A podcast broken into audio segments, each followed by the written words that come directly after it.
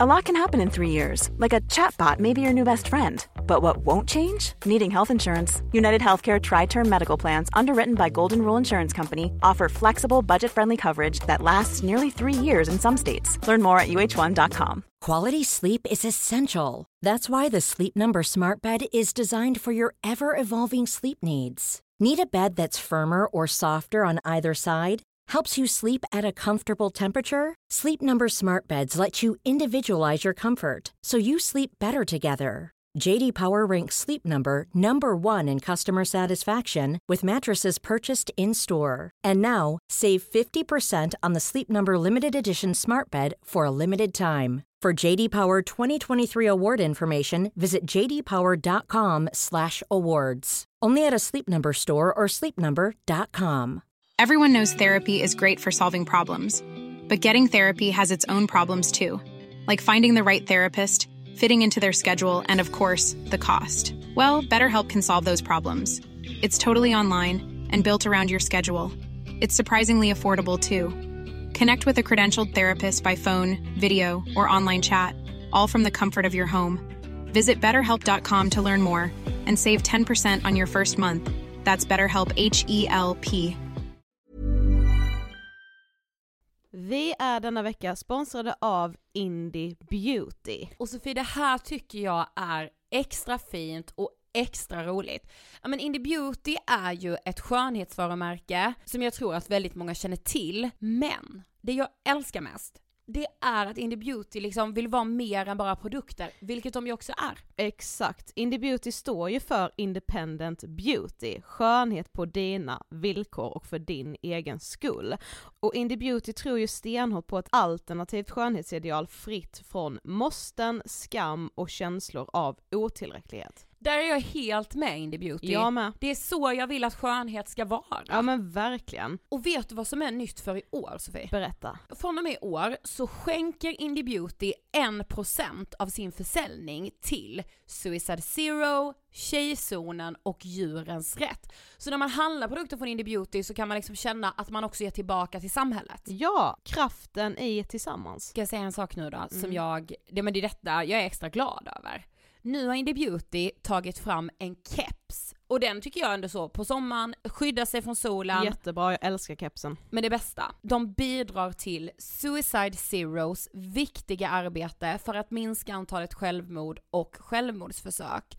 Så, för varje såld keps så går hela vinsten, 100 kronor, direkt till Suicide Zero. Då kan man liksom göra nytta både för samhället och sin hud på en och samma gång. Ja, och kepsen kostar 169 men alltså hela vinsten går då som sagt till Suicide Zero. Mm. Så om man vill göra skillnad när man är där ute i solen, nu när den börjar titta fram, då ska man välja den här kepsen. Den säljs exklusivt på indiebeauty.se och på Apotea. Tillsammans kan vi skapa en ljusare framtid. Vi ses med kepsarna på! Tack Indie Beauty! Vi är sponsrade av Mindler och som ni säkert vet sedan tidigare så är vi ju ute på psykologresan tillsammans. Men hur vet man egentligen när det är dags att söka hjälp? Ibland uppstår saker i livet som kommer utmana oss och kännas tufft. Det mesta självläker vi oss igenom, för vi är menade att ta oss igenom en viss mängd påfrestningar. Men ibland behöver man professionell hjälp för att ta sig ur jobbiga perioder i livet. Men vart går då gränsen? Vad är en del av livets skavighet och när är det läge att söka hjälp? Det sägs till exempel att stress är farligt, men att också kan vara bra. Alla sover dåligt ibland, så när har man egentligen sömnproblem? Ångesten kommer väl krypande för de flesta någon gång. Så när ska man se ångesten som outhärdlig? Hur vet jag? Med oss som psykolog har vi såklart min gamla psykolog Linnea Seidbrant. Men Linnea, vad är egentligen utmattningssyndrom? Utmattningssyndrom är en konsekvens av svår och långvarig stress utan möjlighet till återhämtning. Mm. Vi är ju då skapta för att klara av stress, men vi behöver också återhämtning. Om du utsätts för för mycket stress under en lång period utan att du får till den nödvändiga återhämtningen så kommer kroppen till slut att säga ifrån. Och det är faktiskt så att alla har en gräns. Du kan drabbas av en rad fysiska eller psykiska besvär som trötthet, sömnproblem, hjärtklappning.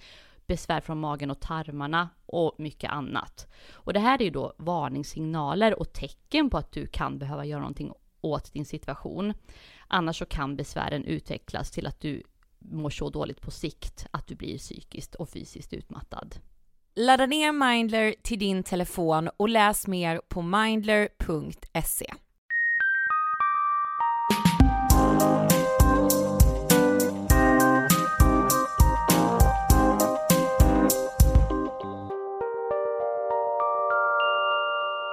Tjena tjena, du lyssnar på Ångestpodden avsnitt 235! Nej, 36. 36 menar jag. Yes. Det är inte lätt. Nej men, nu. nej men nu är det ju inte det, för nu är ju du och jag så sjuka. Ja men det var länge sedan jag var så här sjuk. Ja men jag tror att ni hör det, jag har ju typ lunginflammation. Och jag har bara någon, jag fick nyss höra på vårdcentralen att jag eventuellt har en, den här åtta veckors hostan. Ja, nej. Och då fick jag lite panik men eh, ja, vi lever liksom. Livet leker, men vi är lite sjuka. Så kan det vara. Jag är precis hemkommen från Italien också. Ja. Där jag ju eh, våndades med min förkylning. Men jag hade också typ en av de bästa resorna i mitt liv. Det, jag- det såg väldigt härligt ut. Ja men jag fick ju äntligen se Portofino som jag har velat se sen, alltså jag vet inte ens. Ja. Och det var liksom som att kliva rakt in i en saga. Och för er som eh, undrar så kan jag ju berätta att jag har varken varit på Öland eller i Berlin utan jag Nej. har varit kvar hemma i Karlshamn. Men det har varit så härligt här också faktiskt. Ja. Mitt problem är ju att jag när jag kom hem från Italien i söndags kväll, alltså, så vill du vet när man bara så här, när det tar stopp. Alltså jag bröt ihop och bara så här hulkgrät när jag hade gått och lagt mig. Och jag bara fick väcka liksom, eller min kille var vaken och han bara, men gud vad, vad, vad är det liksom? Och jag bara, alltså jag mår verkligen inte bra. Och så det var inte den här heller börja gråta för att man har kommit hem från Nej. semestern liksom. Nej nej nej. Och jag kände också att jag, alltså jag har inte mått bra på typ kanske fyra månader, alltså fem månader. Alltså ganska lång tid. Men att jag har inte kunnat sätta ord på det riktigt.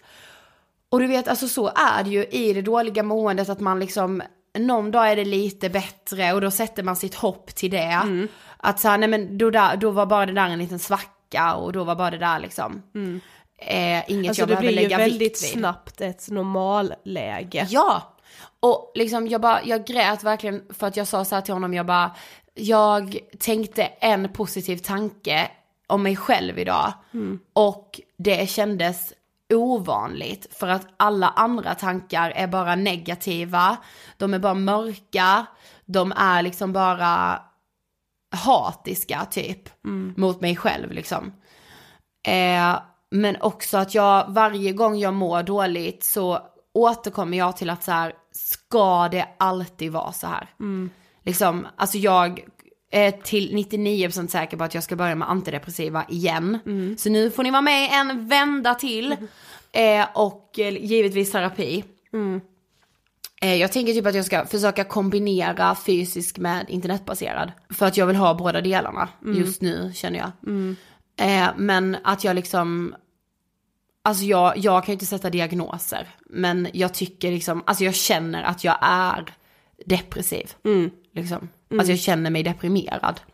Och det, alltså det är så svårt att acceptera när vi har ångestpodden kan jag säga. För att Ja jag, det förstår jag verkligen. jag är så här, ah, vadå, du ska väl veta, du ska väl känna igen varningssignalerna på en liten sekund. Jo men inte heller typ så här att du ska känna igen varningssignalerna utan att det blir så här, ja men du vet väl hur man ska hantera ångest för du har ju pratat om det så mycket och vi själva säger ju alltid att så här, åh men den bästa medicinen är att prata om det och bla bla bla men för den sakens skull får man ju inte glömma bort att så här mår man verkligen dåligt och det finns liksom ämnen i kroppen som behöver hjälp, då hjälper det inte att äta rätt, träna rätt eller att prata tillräckligt mycket utan då måste Nej. man liksom ha medicin. Ja men precis, och att man liksom, ja men så här, att man ju är sjuk. Ja, precis. Men skulle du säga att, ehm, alltså känner du igen typ tankar som du har nu från, för du har ju haft liksom diagnosen depression en gång innan. Är det liksom samma känsla? Eller samma tankar typ? Både och. Alltså nej, fast mer nej. Tror jag. Alltså tankarna är annorlunda men känslorna är samma. Tror jag. Ja, men jag förstår ju verkligen det, men för det har du ju sagt, alltså det är inte första gången, denna gången du mår dåligt som du säger det, utan det har, har ju du sagt kanske typ två, tre gånger när du har haft andra perioder när du har mått dåligt, men just det här med att det alltid hittar tillbaka. Ja. Alltså du lyckas jättemånga gånger fly från de här depressiva tankarna, men sen är det som att när du väl har slagit dig till ro i den nya typen av sätt att leva där Mm. du har varit utan liksom de dåliga tankarna, då hittar den då tillbaka. Mm. Ja, hela tiden. Ja. Men alltså jag förstår att det känns hopplöst och Alltså, jag här, jag förstår kan bli- att man blir arg på sig själv typ. Speciellt när man ska vara någon typ av så här, åh men vi vet verkligen hur man hanterar Ja, ångest. Hur gör man nu då? Ja. Men liksom, alltså jag tror med att, alltså, alltså jag kan liksom eh, på något sätt känna också att, alltså när jag mår bra så kan jag liksom så säga, ja men typ som om vi blir intervjuade någonstans så kan jag säga så här, ja men eh, jag får ju acceptera att jag är en, en person som har mycket ångest. Ja men hur kul är det att Alltså fattar du liksom? hur jävla, ja exakt, fattar du hur piss det är? Bara vadå, acceptera, jag, nej. Nej. Det är, ju- det är ju det som blir den här orättviskänslan. Ja. Att varför ska jag vara den som accepterar att jag har mycket ångest? Alltså varför ska jag inte få leva ett liv lika ångestfritt som många andra får Ja, göra? exakt. För att, här, jag tror ju att alla har ångest i mångt och mycket på olika sätt. Men alla lever ju inte med depressiva tankar och Nej. liksom ehm, återkommande depressioner. Nej nej nej. Alltså, men det är ju också inte. väldigt vanligt. Och Ja, det man ska är ju komma det. ihåg att om man väl haft en depression så är det väldigt lätt att det kommer tillbaka. Precis. Men- och det är ju liksom inga konstiga, alltså det, det, det är inte som att, alltså det, det jag dock absolut känner noll av, det är ju att jag skäms. Alltså jag skäms ingenting. Nej. Alltså jag skäms ingenting för att jag mår så här. i så fall skäms jag för att jag inte har en lösning på Ja. problemet. Men jag skäms inte i själva måendet, alltså jag skäms inte av att säga att så här, gud alltså jag orkar ingenting, det känns som att jag vill dö, Mm. jag eh, mår eh, jätte, jätte dåligt, alltså jag skäms inte över någonting av det. Nej. Utan alltså det, det är väl i så fall det jag känner att så, ja. Och det är ju ändå en väldigt stor börda Ja. för de som inte har kommit Precis. så långt. Alltså tänk att ha den skammen också Ja, till råga på alla de här jävligt negativa tankarna som man har om sig själv liksom. Ja men exakt, att jag känner att jag inte behöver fejka. Och jag bara tänkte det så här, jag bara gud, alltså ibland när vi får så här lova aldrig lägga ner podden, bara det, alltså det är lugnt. För jag ska ut och in ur det här Ja, jävla helvetet verkar det som liksom. Ja. Och att jag, vet du vad jag, jag dock har liksom märkt, Nej. en sak som har hjälpt mig lite. Att jag, alltså att jag kan, jag har liksom så här gått igenom någon feministisk så här tanke, eh, gång hela tiden av att säga jag har varit så jävla irriterad på att män alltid liksom så här ska klanka ner på typiskt kvinnliga intressen. Alltså du vet Mhm. så ja men va, ingen kan vara intresserad av smink så mycket, ja varför är du så jävla ytlig eller, Ja. ja men gud eh, väskor, hur kan du vara så ytlig? Alltså du vet så här, medan jag nu, den senaste mm, typ månaden har jag insett att jag är inne så mycket på Instagram, på Pinterest och kollar outfits. Alltså det är som att det dämpar, att jag blir inspirerad av så här kläder, hur man kan sätta ihop det. Alltså jag har jag alltid, alltid älskat mode liksom. Men alltså, det lät som jag var såhär, I'm born in Prada. Nej, men- Fashionista you know. Yes! Nej men du vet såhär, alltså det har liksom hjälpt mig på något sätt. Ja. Alltså lite. Ja men det är väl jättebra. Ja, visst är det alltså, bra. alla måste ju få hitta sina vägar liksom. Ja, och det, alltså så här, jag, jag känner att jag är så nära alla de som älskar smink så mycket. Alltså du vet för att jag bara förstår det så mycket hur det också kan hjälpa till när man mår dåligt. Att liksom hitta någonting som kan inspirera en. Det, det är ju så här, det handlar ju inte om själva sminket eller att så här förbättra sitt eget utseende. Det handlar ju om att gå upp i någonting som man blir så intresserad av som typ förskingra tankarna. Sen om det råkar vara smink eller någonting som för andra kan anses ytligt. Alltså det är ju bara skita i Ja, det liksom. Alltså andra går upp i och läser om så här, åh vilket är det bäst- bästa fiskspöet om man ska fiska. Ja! Alltså du vet, Precis, Ja. Mm. och då, men då är det manligt och så här, ö, då är det liksom ingen som kommer och säger att så här, hur kan du gå upp i något så ytligt? nej precis. Men ja. Ja. Vi har den här veckan ett betalt samarbete tillsammans med Systembolaget. Ja, och vi har ju det här samarbetet för att vi tycker det är så viktigt att lyfta frågan kring alkohol kopplat till psykisk ohälsa. Vi tycker det är viktigt att lära sig att ha samtalet om alkohol, för det har vi själva upplevt många gånger vara väldigt svårt. Och på tal om det så är det ju faktiskt så här Sofie, att alkohol och psykisk ohälsa, det går ju ibland hand i hand. Ja, det har ju en väldigt stark koppling till varandra. Men jag tänker med så här, varför tror du att det är så? Alltså jag vet inte, jag tycker det är väldigt svårt och det känns lite som att det är så här hönan eller ägget för att dricker man alkohol för att man mår psykiskt dåligt eller börjar man må psykiskt dåligt för att man dricker för mycket alkohol? Alltså ja det är ju lite så, alkohol, depressiva besvär, vad är hönan, vad är ägget? Men det finns ju massa forskning på det här och vi har ju bland annat läst alkoholrapporten eh, om det här från 2018. Eh, där det, det just skrivs om att forskningen är inte heller helt säkra. För det finns en samsjuklighet mellan depression och alkoholberoende. Och man räknar att mellan 30 och 40 procent av personer med alkoholproblem också lider av depressionsliknande tillstånd. Eh, och att det uppskattas att mellan 5 och 10 procent av personer med depressiv sjukdom också har alkoholproblem. Jag tror att det är väldigt vanligt att dämpa sin ångest med alkohol. Och att man, om man dricker för mycket alkohol, får väldigt mycket ångest och kanske hamnar i en depression.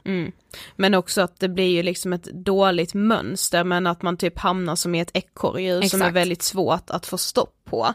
Det står också i alkoholrapporten, eh, det här är alltså en undersökning som Sifo har gjort, eh, att en av fem har använt alkohol för att lindra psykiskt eller fysiskt lidande, men betydligt fler upplever att självmedicinering med alkohol är vanligt förekommande bland personer i deras omgivning.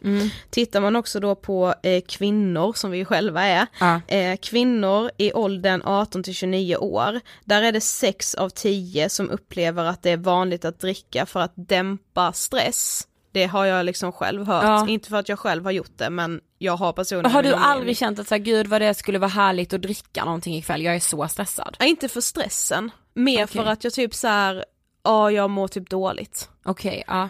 Ehm, För jag har nog känt det för, för stressen. Ja, eh, och kvi- bland kvinnor mellan 30 till 49 år så är det 6 av 10 som oroar sig för någon annan. Som de då känner att så här, den här personen har jag i min omgivning som jag ser dricker för att dämpa psykiskt eller fysiskt lidande.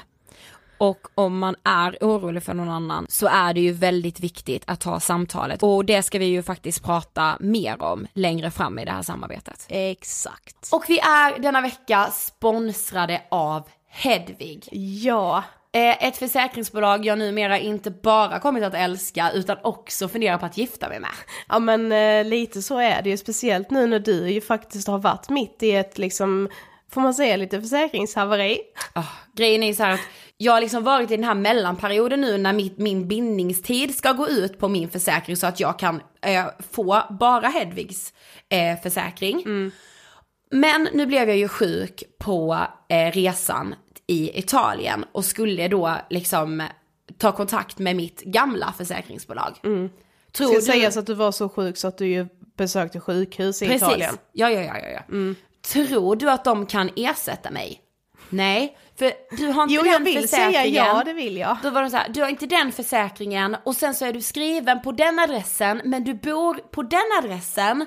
Och jag bara, okej men jag har någon olycksfall och så här skadeförsäkring. De bara, ja fast den gäller bara i Sverige. Ja. Jag bara, alltså du vet jag var sekunder ifrån att bara här, vet ni vad, det finns ett försäkringsbolag som heter Hedvig och ni ska passa er för dem. Ja, Det passa tänkte jag. dig nu jävligt noga. Ja, men nu är de borta ur mitt liv, de här gamla försäkringsjättarna. Och jag har bara vikt mig åt Hedvig.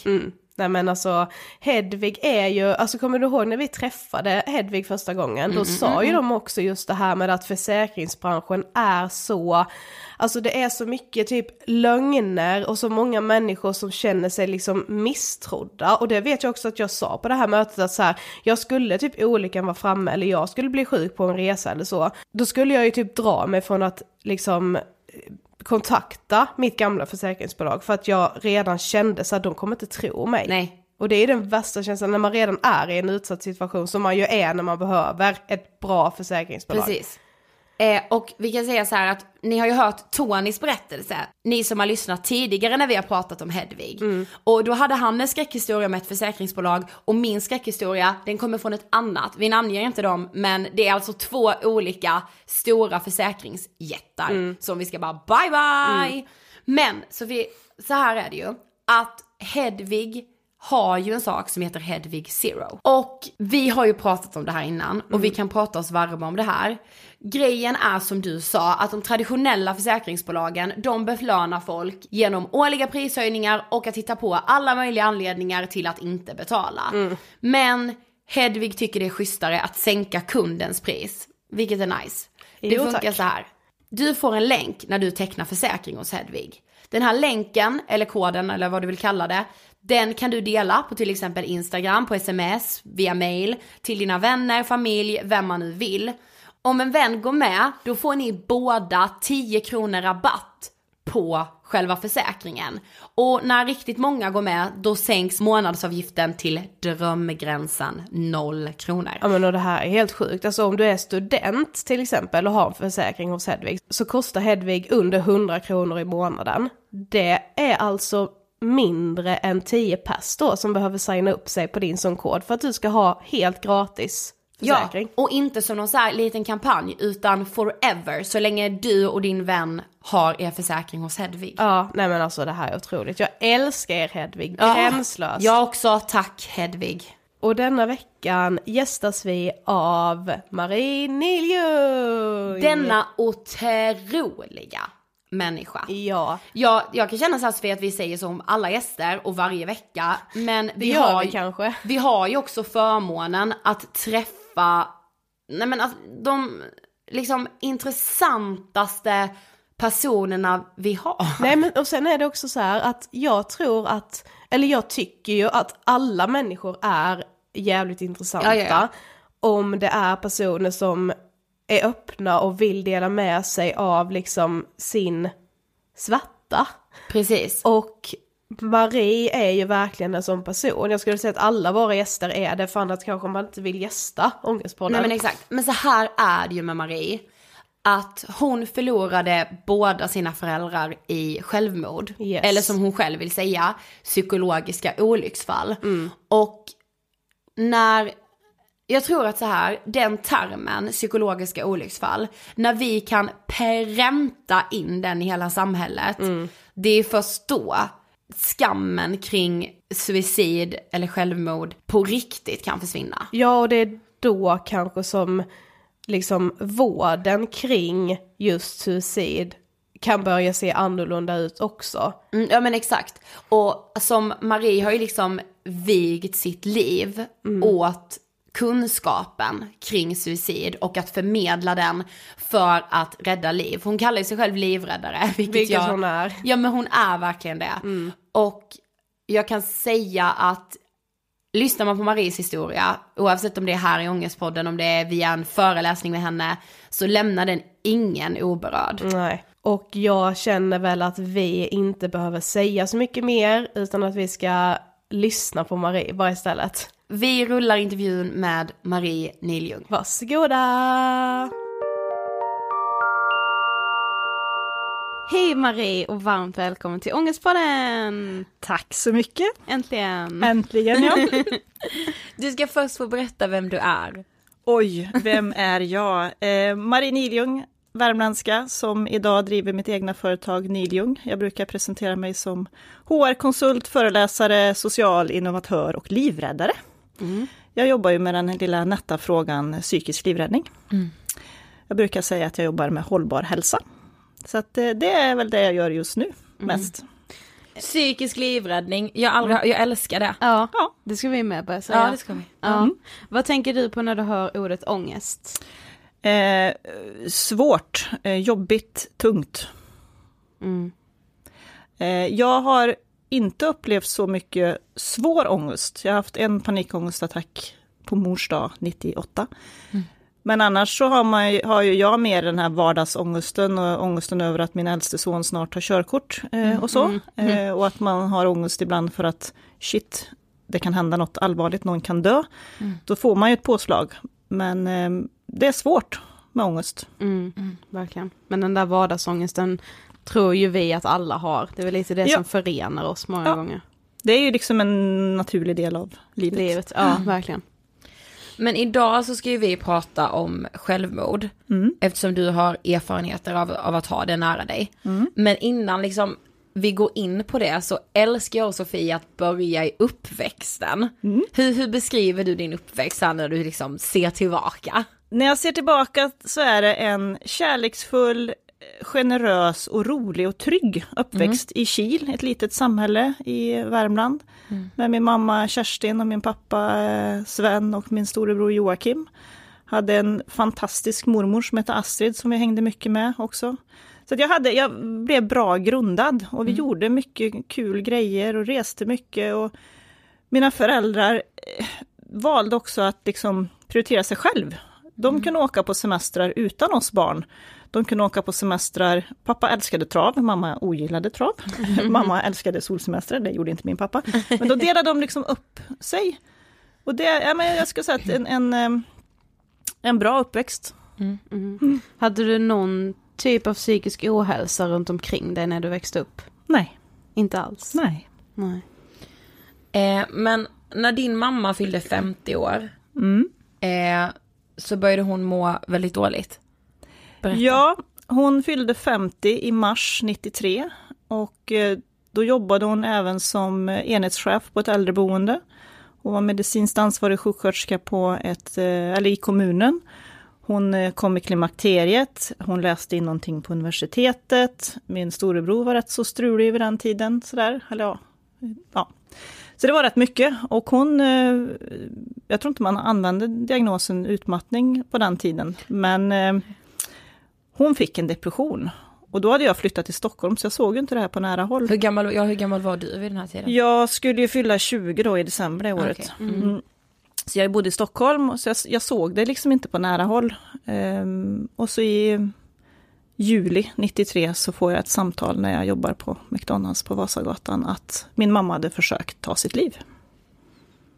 Och det, då, det kom verkligen som en chock. Alltså hur var det ens möjligt? Eh, men jag skulle säga att det är nog tack vare att hon överlevde det försöket som gör att jag kan sitta här och vara en hyfsat hel människa idag.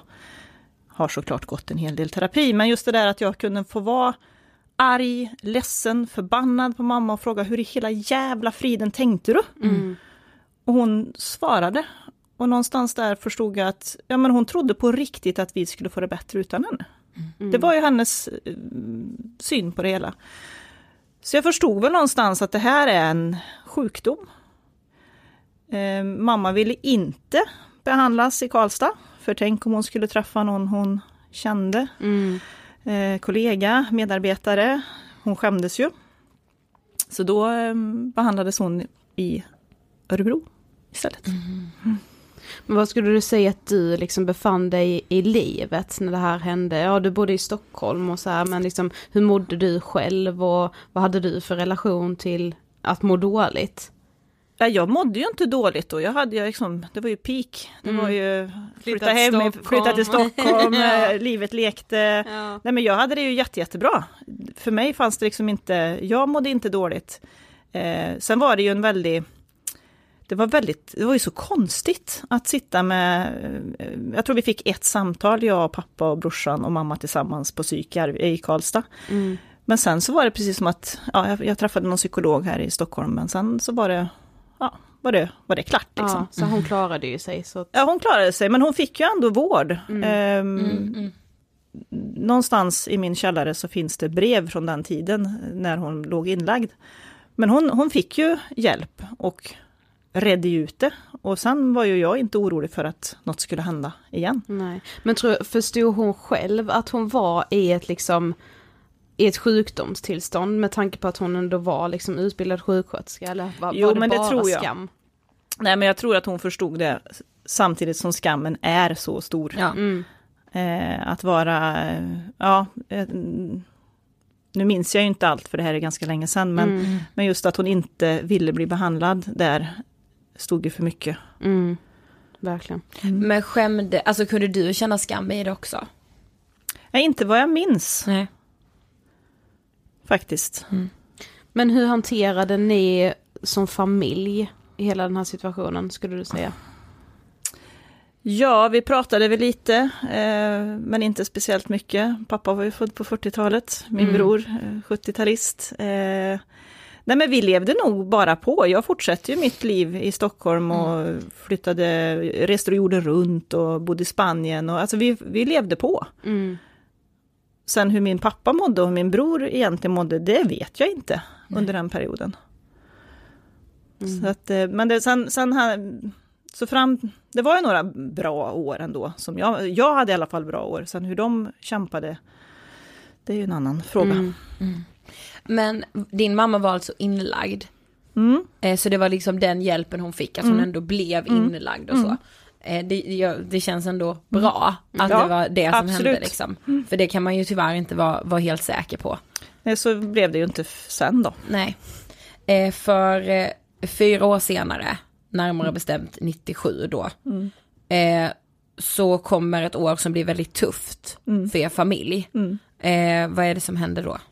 Ja, det börjar ju med att på våren eh, 97 så börjar ju min bror bete sig rätt så märkligt. Och det visar sig att han har eh, kommit i ett maniskt skov och eh, blir tvångsinlagd på vårkanten och får diagnosen bipolär sjukdom. Och då på något vis så förstod man ju det här som hade varit lite rörigt under senare tonårstiden. Mm. Eh, Men att, att ha en son med en kronisk sjuk, psykisk sjukdom tror jag tog rätt hårt på min pappa och framförallt att han hade fått lura honom till vård. Okej. Mm. För han ville ju inte med, för det var ju inget fel på honom. Nej. Eh, och efter det så, min bror fick ju hjälp och han fick litium och det svarade hans kropp bra på, så det funkade. Eh, på sommaren där så gick min pappa in i en depression. Men han var född på 40-talet så han sökte inte hjälp, han skulle inte prata med någon. Eh, och där tror jag det var mamma som fick honom på fötter igen liksom. Som man går. Och så kommer hösten och då får mamma en ny allvarlig depression. Men jag är fortfarande inte orolig. Nej, för du skrev ju till oss innan Ja. att du, trots allt som hände så var du inte orolig. Nej. Liksom, hur gick dina tankar? Nej, men jag var ju så, jag- alltså, hon hade ju... Eh, dels var hon ju glad att hon faktiskt levde då efter första försöket. Eh, och jag var väl så övertygad och naiv att ja, men, hon fattar att vår kärlek räcker, att hon måste finnas här. Alltså, någon sån tanke tror jag att jag hade. Så när hon eh, fick den här nya depressionen så då hade jag flyttat till Göteborg och vi hade bestämt att jag skulle komma och hälsa på henne. Jag skickade ett vykort eh, till henne, som man faktiskt gjorde på den tiden. Krya på dig, vi ses till helgen. Och vykort saknar Ja. inte tiden. Ja, och det är lite konstigt, när min mormor dog, då la jag ett vykort precis på brevlådan när hon dog. Eh, och när jag skickar vykort till min mamma så är det troligtvis också vid samma... Ja, jag tror inte på... Oj. Men något konstigt är det ju Ja, när det Ja. hänger så. Ja, det är en bisak här, men... ja. Och så skär jag mig i ett finger när jag praktiserar på Sjömagasinet i Göteborg. Och då vill man ju ringa hem till mamma Mm. och fråga hur ska jag göra. Ringer hem till mamma, inget svar. Och ehm, jag ehm, pratar inte på telefonsvararen att jag har skurit mig, kan du ringa upp mig? Och är ja, inte orolig för någonting. Och sen ringer min pappa upp på kvällen, tisdag den 14 oktober, och berättar att han har hittat henne död. Och då eh, rasar det ju. Mm. Det, och samtidigt så, så ja, det är så jädra märkligt när någon dör, oavsett om det är så här. Men och hela den här kvällen, eh, från det att pappa ringde till att vi skulle få fram en bil så vi kunde ta oss till Lidköping där de bodde. Mm. Eh, och innan jag fick tag på Petter, för det var, vi hade inte mobiltelefoner, han pluggade någonstans. Eh, så jag höll på och eh, ringde runt och ja, men så här, de detaljerna minns jag jätteväl och när vi väl fick fram en bil så tänker jag på min cykel, ni vet. Alltså jag ska åka hem till min pappa och, och min mamma som är död och mm. ändå tänker jag på min cykel. Mm. Så det är lite, ja. Och jag minns att det var fullmåne när vi kör. Eh, och jag vet att pappa hade sagt det är ingen brådska, ta det lugnt. För han var så rädd att jag skulle komma hem innan hon hade flyttats på. Mm. Ah. Han ville inte att jag skulle se henne hemma. Nej. Eh, och när vi kommer dit så är hon ju inte kvar. Mm. Och det var ju jättekonstigt att vara i lägenheten där hon hade dött. Det, ja, det var jättemärkligt. Mm. Eh, och det som gjorde det svårt den här tiden var ju att min bror inte var hemma utan de var på semester i Danmark. Med mm. sin sambo och hennes två barn. Och hur gör vi nu? Ska vi ringa till dem eller ska vi Ja, ska ja. de få ha sin semester? Ska de få ha sin semester? Det är ett halvår sedan han fick en diagnos. Alltså, alltså ja. Det var en, en... Eh, de skulle komma hem på torsdagen och det här var på tisdag kväll.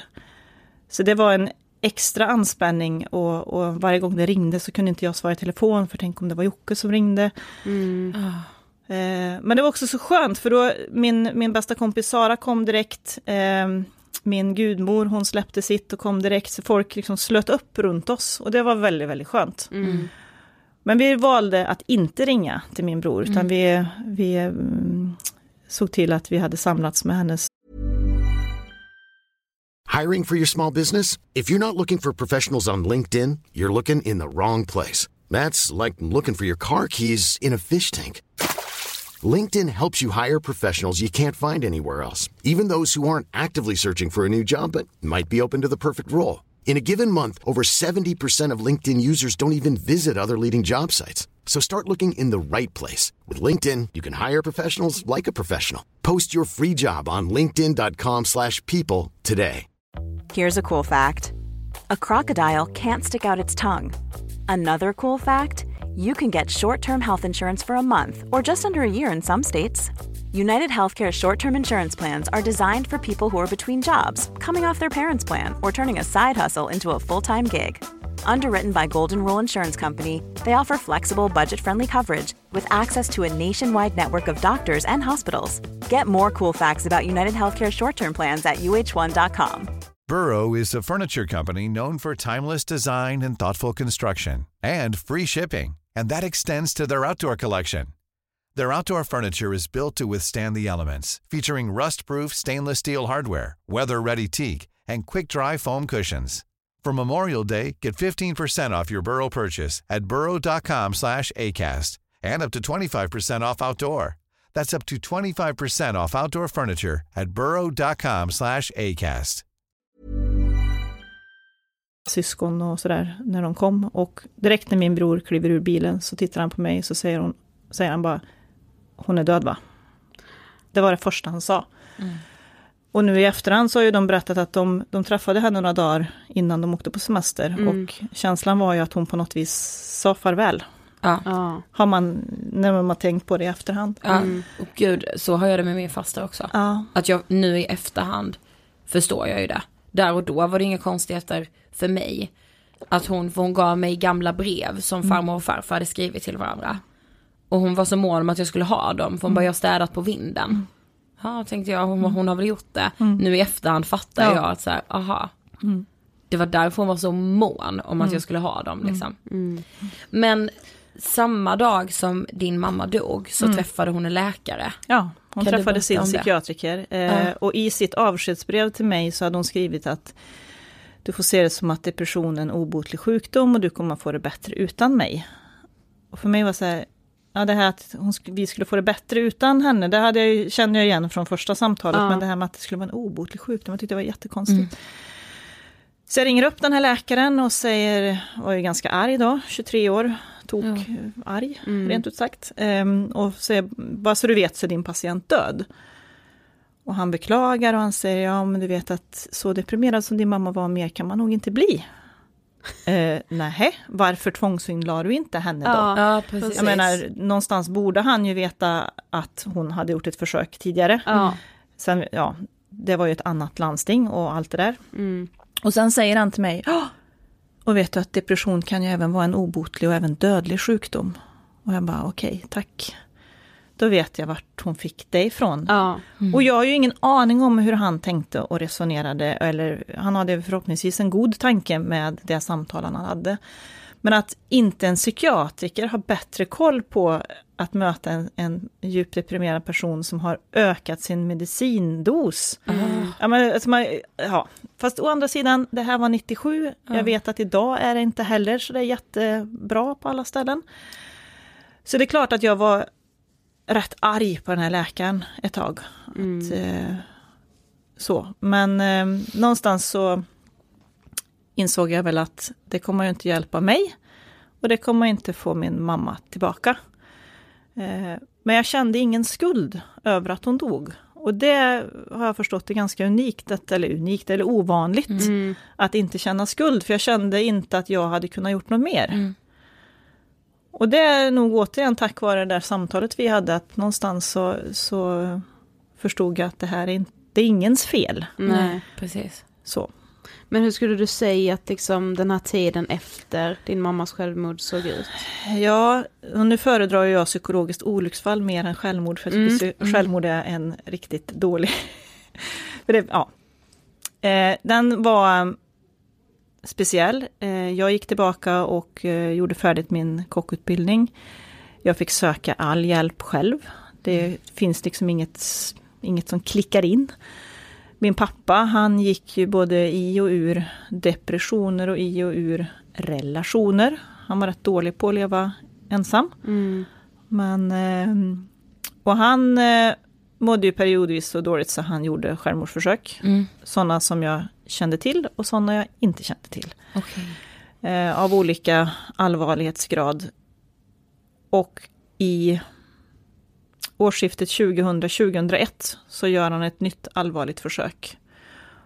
Och då börjar jag känna att snart orkar jag inte mer. Då var jag gravid med mitt första barn och Okej. ehm, vi åkte upp till Arvika där han låg inlagd för då hade han försökt elda sig inne. Då låg han på intensiven och behandlades för sina lungskador. Och de blev ju friska, men det var ju ingen som behandlade hans varför han hade hamnat där. Nej. Det, det, nej. Så han skrevs ut och våren gick och jag var ju mest gravid. Mm. Eh, och August föds i juni och pappa kommer och är den stolta morfarn och ja, jag är ju liksom i mitt fokus. Och sen går det en månad ungefär så ringer min bror och frågar om jag har pratat med pappa. Och det hade jag inte och då direkt så är man igång i vad har hänt nu? Mm. För de två stod varandra väldigt nära så de hördes ju av nästan dagligen. Så då sitter man där med en en månads bebis och funderar på okej, vad har hänt? Ska vi planera begravning? Hur ska vi göra nu? Och mycket riktigt så hade han ju hamnat i ett sånt tillstånd igen när han inte visste hur han skulle bete sig. Men eh, han hade lånat grannens båt, åkt ut på en kobbe. Tanken var att han skulle rulla ner i vattnet och drunkna. Men när han hamnade i vattnet så började han ju simma. Mm. Vilket inte är ovanligt har jag förstått, att man vill ju egentligen inte dö, man vill ju Nej, leva. nej, ja. Eh, Så någonstans så kom ju livsviljan där. Så han började simma och han hade tur att det fanns folk ute på sjön som kunde fiska upp honom. Och han kördes in till psyk och de ringer till mig och säger att nu måste du komma. Och jag säger nej. För jag hade kommit till en punkt att nu orkar jag inte mer. Nej. Nu, alltså jag kommer till honom när han har läst mitt brev. Så jag skrev ett brev till honom att nu får du välja. Antingen så väljer du att få hjälp och så får du vara morfar. Eller så klipper vi. För nu orkar inte jag mer. Nu är det liksom, jag har min egen familj som är, jag behöver ta ansvar för. Och som tur var så skrev han ju det längsta brev han troligtvis någonsin har skrivit. Mm. Där han eh, förstod att han behövde göra något om sin, sin situation. Ja. Så han fick vid 60 års ålder också diagnosen bipolär sjukdom. Eh, och den finns ju i vår släkt, så det är ju ganska sorgligt att man inte har plockat upp plockat den upp tidigare, den bollen helt tid- sjukt. Ja, eh, för det finns fler i min eh, släkt eh, nära på pappas sida som också har det. Så att det är liksom, ja, det är ju fan skamligt om man Ja. ska vara lite Men så. det är så, att sätta liksom en psykisk diagnos på någon, det verkar vara det absolut sista man vill göra, Mm. så att man bara skjuter på det och bara Ja. så nej, för det, det är så, som att det skulle vara något kränkande eftersom Mm. det liksom ligger så Mm. mycket skam. Mm. Ja, det är så sjukt. Så det är väldigt konstigt, men han fick i alla fall eh, diagnosen och han fick också litium som han svarade Mm. bra på. Jag tror inte han fick jättemycket samtalsterapi. Nej. Nej. Eh, men han kom väldigt bra på fötter. Mm. Och han blev verkligen världens bästa morfar och han träffade Annie och de, eh, ja det började se sådär gött. Eller ja, det, livet rullade på och vi fick ett barn till och ja men nu ska vi flytta till Värmland och ja. Mm. Då får han liksom tjocktarmscancer 2005 istället. Mm. Ja, suck. Mm. Eh, han själv sa att det är konstigt, när jag inte ville leva, då överlevde jag. Och nu när jag vill leva så vet jag inte om jag kommer att överleva. Mm. Men han eh, överlevde sin cancer, han opererades och behandlades och sådär. Men han, eh, äter man litium så kan det slita rätt mycket på magen. Mm. Och har man opererat sig för tjocktarmscancer kan det också bli lite tjorvigt med magen. Och han var ju född på 40-talet och inte helt med i matchen, om jag, jag får vara lite elak mot han. Att han hade en diagnos som är kronisk och att han hade fått medicin som man ska äta. Ja, men han trodde väl någonstans att det här skulle gå bra ändå. Mm. Och om jag slutar med litium så blir ju magen bättre och då kan jag leva ett friare liv. Jag vet inte hur han resonerade. Men någon gång under 2006 så slutar han äta litium. Och i oktober 2006 så får han en ny allvarlig depression. Och är sådär riktigt under isen. Och vill inte prata i telefon, vill liksom inte göra någonting. Och ehm, vad det är som gör att han ändå säger att han kan komma och vara barnvakt när jag ringer honom i november, det vet jag inte, men han, han verkade väl vara lite bättre. Så han kommer till mig och är barnvakt och är i två dagar och jag drar ju bara en lättnadssuck och tänker gud vad gött, nu har det vänt. Liksom. Mm. Skönt, nu, nu blir jag bra. Mm. Men det blev det ju inte. Och eh, här brukar det alltid bli lite jobbigt ibland när jag Ja. pratar om det. Eh, han åkte hem och han gjorde precis som vanligt på fredagen. Han handlade extra gott och de spelade på travet och ja, han gjorde precis som vanligt. Och sen på lördagen 18 november så ringer Annie och säger att nu har det hänt. Och då har han gjort precis som vanligt på lördag morgon, gått ut i stallet, släppt ut hästarna och gjort allt det där. Men han har gått i sjön. Och innan hon hittar honom så har det gått en tid. Och innan hon får hjälp, hon står i vattnet i november och skriker på hjälp. De bor på vischan så det tog ett tag. Och när hon ringer mig så är han på väg i en ambulanshelikopter till Oslo. För man dödförklarar ingen kall person. De bor Nej. ganska nära norska Mm. Och när hon ringer till mig så känner jag bara att rädda honom inte. Nej. Han orkar inte mer, låt honom vara. Han, han kommer inte vilja vara ett paket. Han vill inte sluta sina dagar som ett paket. Nej. Men han gick ju inte att rädda utan han, han dog ju. Och det är väldigt konstigt att förlora sina föräldrar i suicid. Eh, och det är... Och jag är så evinnerligt jädra trött på att behöva förklara och försvara deras död. Mm. Och jag, när pappa dog så fanns det personer i vår omgivning som sa "Åh, men jag förstår inte, hur kunde han svika er? Ja. Hur kunde han göra på samma sätt som Kerstin? Mm. Och man bara, vad fan, är du helt dum i huvudet? Mm. Du hade aldrig sagt så här till mig om man hade dött i sin cancer. Nej, det precis. är ingen som säger att någon sviker när man dör i cancer. Nej. Det är ingen som Hur säger att kunde de ge upp? Ja, det är ingen som säger det. Nej. och det är ingen som väljer sin sjukdom. Man väljer inte att få en depression, man väljer inte att få cancer, man väljer inte att få vilken jädra drittsjukdom som helst. Nej. Och det, ja. Mm. Men en sak som jag tycker är viktig som jag bara vill stanna vid lite är just det här, alltså när du kom till den punkten att du liksom bara, om du inte tar tag i din sjukdom så måste vi klippa banden för jag orkar inte. Mm. Och hur viktigt det är att som anhörig liksom inte känna en skuld i att inte orka. För det tror jag verkligen är, alltså så att man vill inte säga att bara så här, men jag kan inte ta mer i det här för att det blir, det blir ju liksom en börda, speciellt om man är som i din situation, du hade små barn liksom och behövde ju värna om din, ditt familjeförhållande liksom. Jag tror det är liksom, hur, när kom du till den punkten att du vågade, alltså liksom ställa din pappa det ultimatumet som det ändå var? Ja, jag, på något vis så vart det kommer ifrån, men det här, an, jag tror ju på att man måste ta eget ansvar.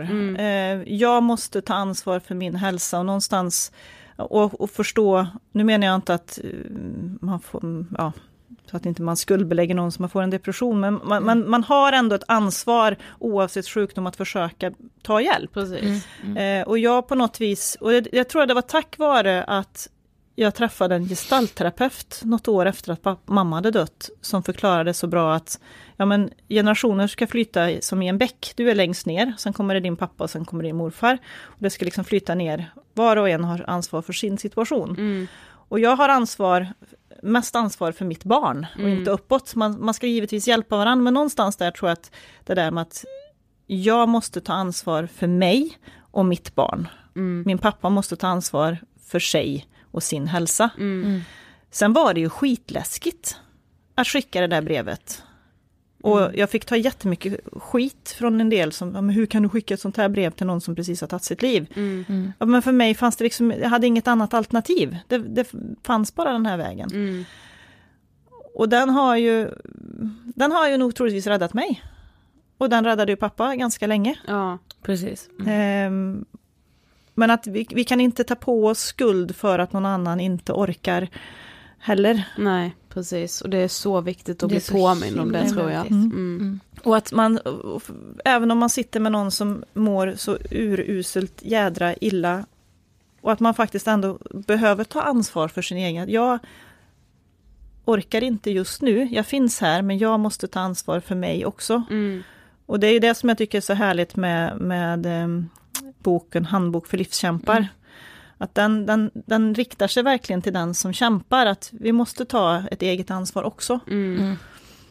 Mm. Men om man ser liksom ur ett så här större perspektiv, för du har ju liksom jobbat mycket med frågorna kring psykologiska olycksfall ska vi säga. Det är den bästa formuleringen. Ja, också. verkligen. Och vet du vad ni, det bästa med den är att den tar bort skulden, både från den som dog och de oss som blir kvar. Exakt. Så det är det som är den absolut bästa med den eh, formuleringen. Ja. Och att det är mycket mer främjande förebyggande. Precis. Man kan också ställa krav på kommuner om man använder den formuleringen. precis. För det finns ett lagkrav på att man ska förebygga olyckor. Olyckor. Ja. Ja. Ja, Psykologiska olycksfall ska präntas in i Ja, allas yes, medvetande. Ja. Men du har ju varit engagerad i Suicide Zero och nu driver du ditt egna företag som utbildar i ämnet. Alltså vad skulle du säga är den största samhällsutmaningen när det kommer till de här frågorna? Eh, rädslan och okunskapen. Vi, mm, jag har ju alltid varit öppen med eh, vad som har hänt. Jag har varit öppen för mina barn, har berättat för dem eh, vad som hände eh, och stått för det. Men som jag sa innan vi började, att jag förstår att myterna är väldigt starka. För jag trodde själv på dem fram till för fem år sedan. För myterna om att man kan inte hindra någon, det är ett val och så vidare, är ju ett sätt att liksom ställa sig vid sidan om. Liten tröst så. Och därför är okunskapen och rädslan det största hindret. Förra året så vet jag inte hur många föreläsningar jag gjorde, 50-60 kanske, i olika, på olika ställen. Och att myterna är så starkt förankrade är det farligaste. Jag är naiv, ja, men jag är inte fullt så naiv så att jag tror att man kan rädda alla bara genom att våga fråga. Men det är så oerhört viktigt att vi krossar myterna. Om vi gör det så kommer många liv att räddas. Inte de svåraste svåra med psykisk, eh, psykiatriska diagnoser och missbruk. Det kan vara svårt. Men till den kategorin som mm, kämpar med det så kan vi ändå alltid vara medmänniskor och förmedla att jag vill att du ska leva. Du är värdefull för mig. Det kan vi alla göra. Det kostar inte en spänn. Så att det som vi måste göra nu och som är liksom högaktuellt, det är att öka kunskapen på alla nivåer. Krossa myterna så att man inte framförallt tror att man ska inte prata om det för att väcka en björn som sover. Ja. Björnen har varit vaken och den har varit vaken väldigt länge. Ja. Så det, det är liksom, det måste vi. Mm. Och då kommer vi fånga upp, ehm, vi måste rusta oss med att se signalerna, för det är vi inte rustade med i samhället. Nej. Vi kan inte eh, det som gör, eller vi vet inte vad det är som gör att en människa hamnar i det här tillståndet. Många blir förvånade när man säger att ja, en man som går i pension är en, kan vara en riskfaktor. Ställ frågan, våga vara empatiskt påträngande, Mm. våga vara medmänniska. Eh, vad är det värsta som kan hända om du ställer frågan till någon, alltså, alltså att visa att du bryr dig om en annan människa. Precis. Så att, men jag förstår att det finns mycket rädsla. Och när jag ska föreläsa i skolor, som ni också har mött på, är ju att, ja men vi, vi, vi har, hur ska vi göra med efterarbetet? Mm. Ja men vet ni, det blir inte, det kan bli efterarbete, men framförallt så kommer ju det här förebygga. Mm. Precis. De ungdomarna som jag har mött har ju kommit fram efteråt och sagt, gud vad skönt att någon pratar med oss om Mm. detta. Samma till oss. Ja, ja, Alltid. verkligen. Och sen när vi, ibland när vi har föreläst liksom för gymnasiet tre och när de snart sta- tar studenten Ja. så säger de ändå efteråt det här är första gången de pratar om psykisk ohälsa under hela vår skoltid. Då blir, alltså man blir liksom mörkrädd. Ja. Men vilka skulle du säga är liksom några av de här signalerna som man ändå ska vara uppmärksam på om det är någon som man har runt omkring sig som mår väldigt dåligt? Ja, men man ska vara uppmärksam på när någonting förändras i beteendet. Det kan ju vara om du har ett tonårsbarn som helt plötsligt inte vill hänga med sina kompisar eller vill träna eller drar sig undan. De här små nyanserna och våga, för ofta så känner vi oss på, känner vi på oss att det är något. Och då ska vi våga fråga. Jag ser att det är någonting som inte riktigt stämmer. Eh, vill du prata om det? Att vara, och är, vet man om att personen har en depression, då måste vi verkligen bli modigare. För det är ju en del av depressionssjukdomen att man kan förlora lusten att leva.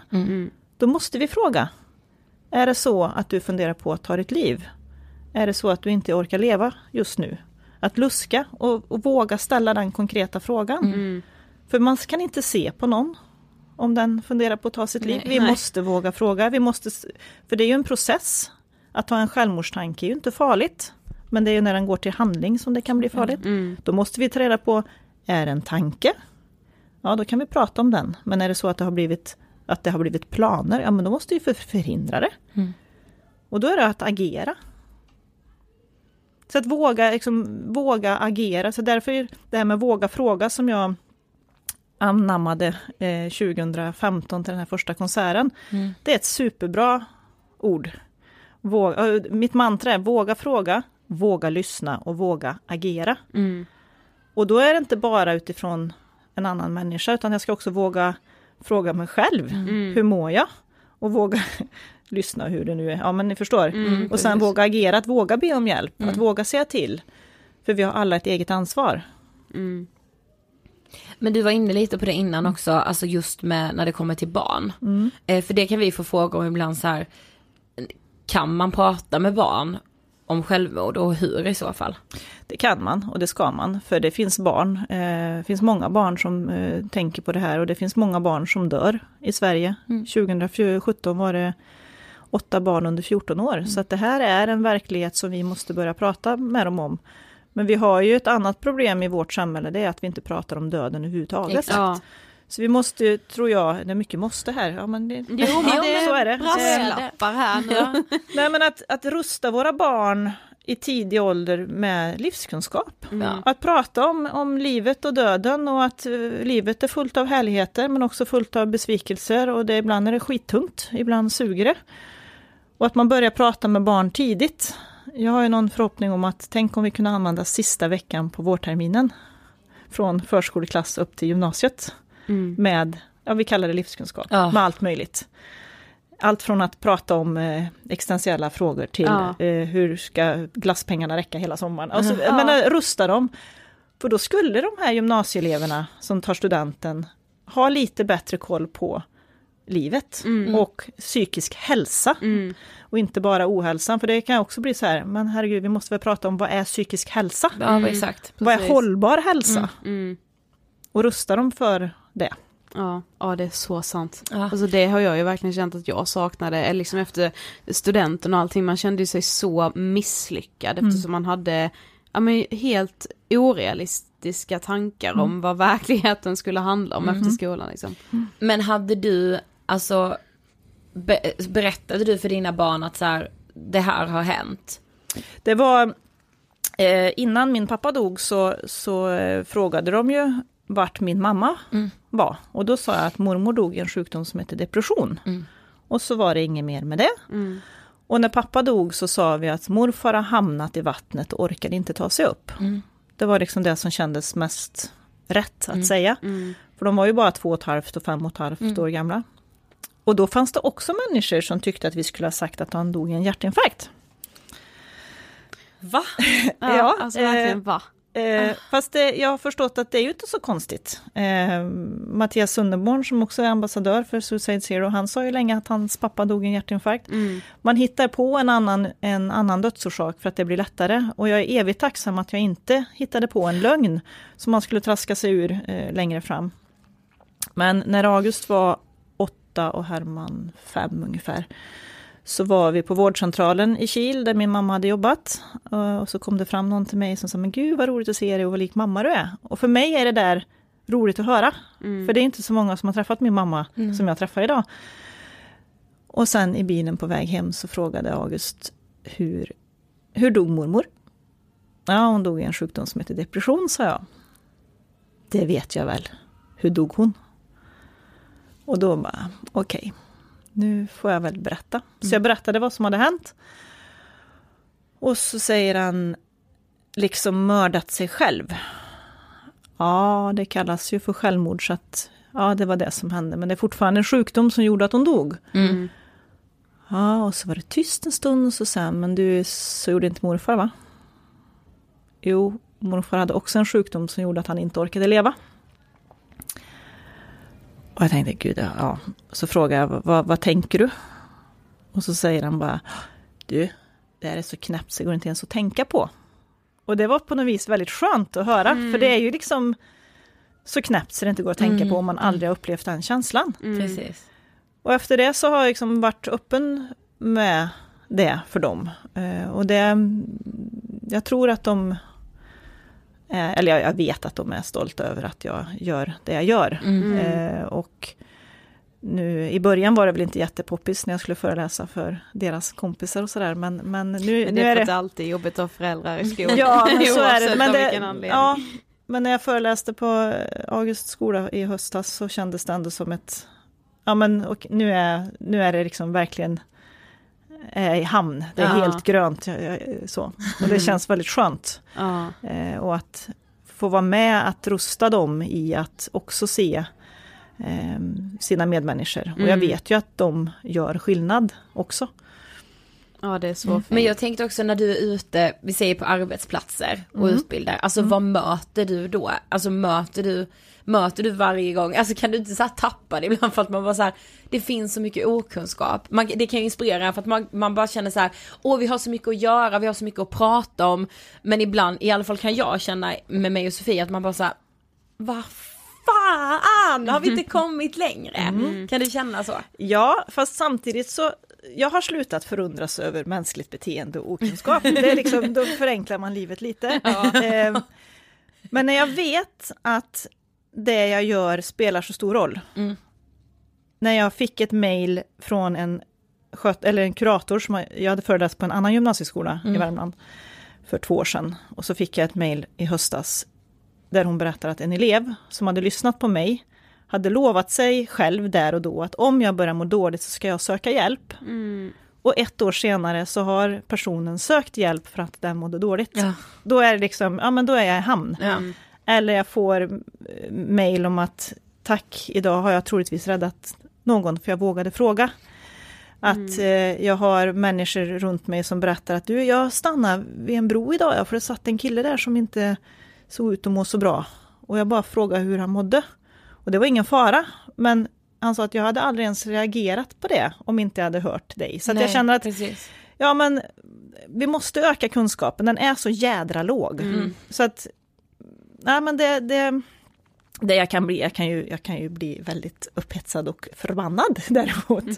Och speciellt när, man, när jag föreläser för politiker. Ja. Som ändå någonstans har ett högsta ansvar. Precis. Sen har vi alla, det här är liksom inte en fråga bara för psykiatrin eller vården, det är Nej. en fråga för alla, men politiker har ändå ett ett större ansvar tycker jag. Mm, de, kan ju göra, de kan ju faktiskt göra skillnad. Ja, ja. Precis. så att, och nu, eh, jag har liksom varit engagerad i fem år eh, i Suicide Zero nästan. Mm. Eh, men valde ju att kliva av vid årsskiftet för att kunna satsa på mitt egna företag och i, i Värmland så är det rätt mycket Suicide Zero som jag är förknippad med. Mm, mm, mm. Men också lite skönt att vara helt fri. Nu behöver jag inte ta hänsyn till någon, nu kan jag ju elda på mm. eh, och, och, kräva eh, saker. Nu tycker jag ju väldigt lika som Suicide Zero också, men mm, ja. förstår ni, det är ändå, jag är liksom...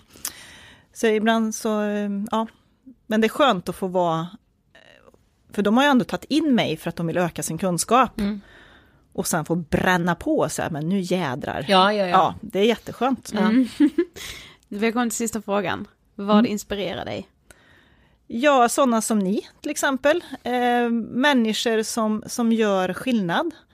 Eh, och gör det helt utan eh, liksom, tanke på att man ska få för sin egen skull, alltså mm. motsatsen till egoismen så att mm. säga. Så människor som, som eh, vill göra världen bättre på olika sätt. Eh, det kan vara att podda, det kan vara att skriva böcker, det kan vara att... Ja, sånt inspirerar mig. Det inspirerar mig att träffa Susanne och Filippa som har skrivit boken Handbok för livskämpar och se mm. vad kan vi göra med det. När, när man tillsammans också gör saker. Mm. Mm. Tack det så jättemycket för att du ville gästa Ångestpodden. Tack. Älskade Marie! Ja, tack så jättemycket Marie för att du ville gästa Ångestpodden. Bättre sent än aldrig skulle man kunna säga. Ja men verkligen, och jag vill också säga att jag är så glad att Marie finns i den här branschen med mm. alla oss som jobbar kring de här frågorna på ett eller annat sätt. Mm. Eh, då hon är en jätteinspiration för mig och för många andra vet jag. Mm.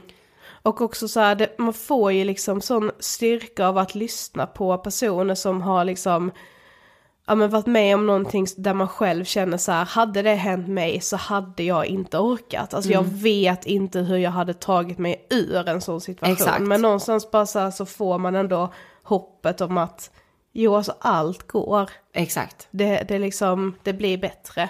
Och också att man faktiskt kan komma stark ur det. Mm. Att man inte bara liksom går igenom ett trauma och sen är man bara en liten spillra, utan att man liksom kan gå stark ur det och att man som Marie, att sprida den kunskapen ja. hon gör, det är ovärderligt. Men som hon själv säger, liksom så att då, mina föräldrars död får inte bara vara två psykologiska olycksfall Exakt. som inte liksom så här, som inte blir något mer än så. Jag måste sprida det här ja. för att det ska ha någon form av betydelse. Det blir ju liksom en, eh, vad ska man säga, alltså ett sätt att, jag tror, acceptera ja. det svåra. Att man bara säger jag måste göra något utav det. Men jag tror också att eh, många blir glada av det här avsnittet. Mm. Eh, med tanke på att många har önskat, alltså inte glada som att man blir glad av berättelsen, men många har önskat att vi ska prata mer om suicid mm. och eh, vi kommer göra det ännu mer framöver. Yes, det kommer vi.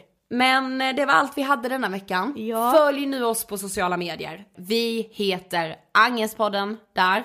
På yes. Instagram alltså. Och så har vi ju vår slutna Facebookgrupp, Ångestpodden Vi pratar vidare. Där måste man besvara några frågor innan man blir eh, accepterad. Så ni som har försökt och att bli medlemmar utan att svara på frågorna, det är därför ni liksom inte har kommit in i gruppen. För att vi måste ha svar på frågorna innan man blir accepterad. Och det är yes. för allas liksom security.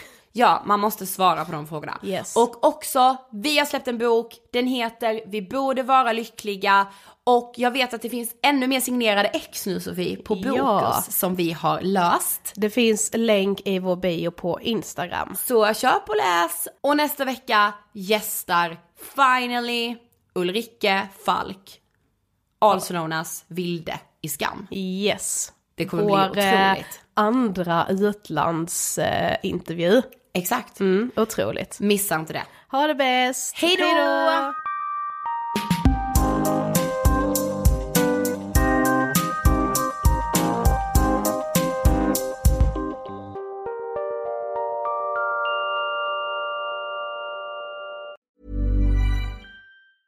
Even when we're on a budget we still deserve nice things. Quince is a place to scoop up stunning high-end goods for 50 to 80% less than similar brands. They have buttery soft cashmere sweaters starting at $50, luxurious Italian leather bags, and so much more. Plus, Quince only works with factories that use safe, ethical, and responsible manufacturing. Get the high-end goods you'll love without the high price tag with Quince. Go to quince.com slash style for free shipping and 365-day returns. Imagine the softest sheets you've ever felt. Now imagine them getting even softer over time. That's what you'll feel with Bowl and Branch's organic cotton sheets. In a recent customer survey, 96% replied that Bowl and Branch sheets get softer with every wash. Start getting your best night's sleep in these sheets that get softer and softer for years to come. Try their sheets with a 30-night guarantee. Plus, get 15% off your first order at bowlandbranch.com. Code BUTTERY. Exclusions apply. See site for details. Mom deserves the best, and there's no better place to shop for Mother's Day than Whole Foods Market. They're your destination for unbeatable savings, from premium gifts to show-stopping flowers and irresistible desserts. Start by saving 33% with Prime on all body care and candles. Then get a 15-stem bunch of tulips for just $9.99 each with Prime. Round out Mom's menu with festive rosé, irresistible berry chantilly cake, and more special treats. Come celebrate Mother's Day at Whole Foods Market.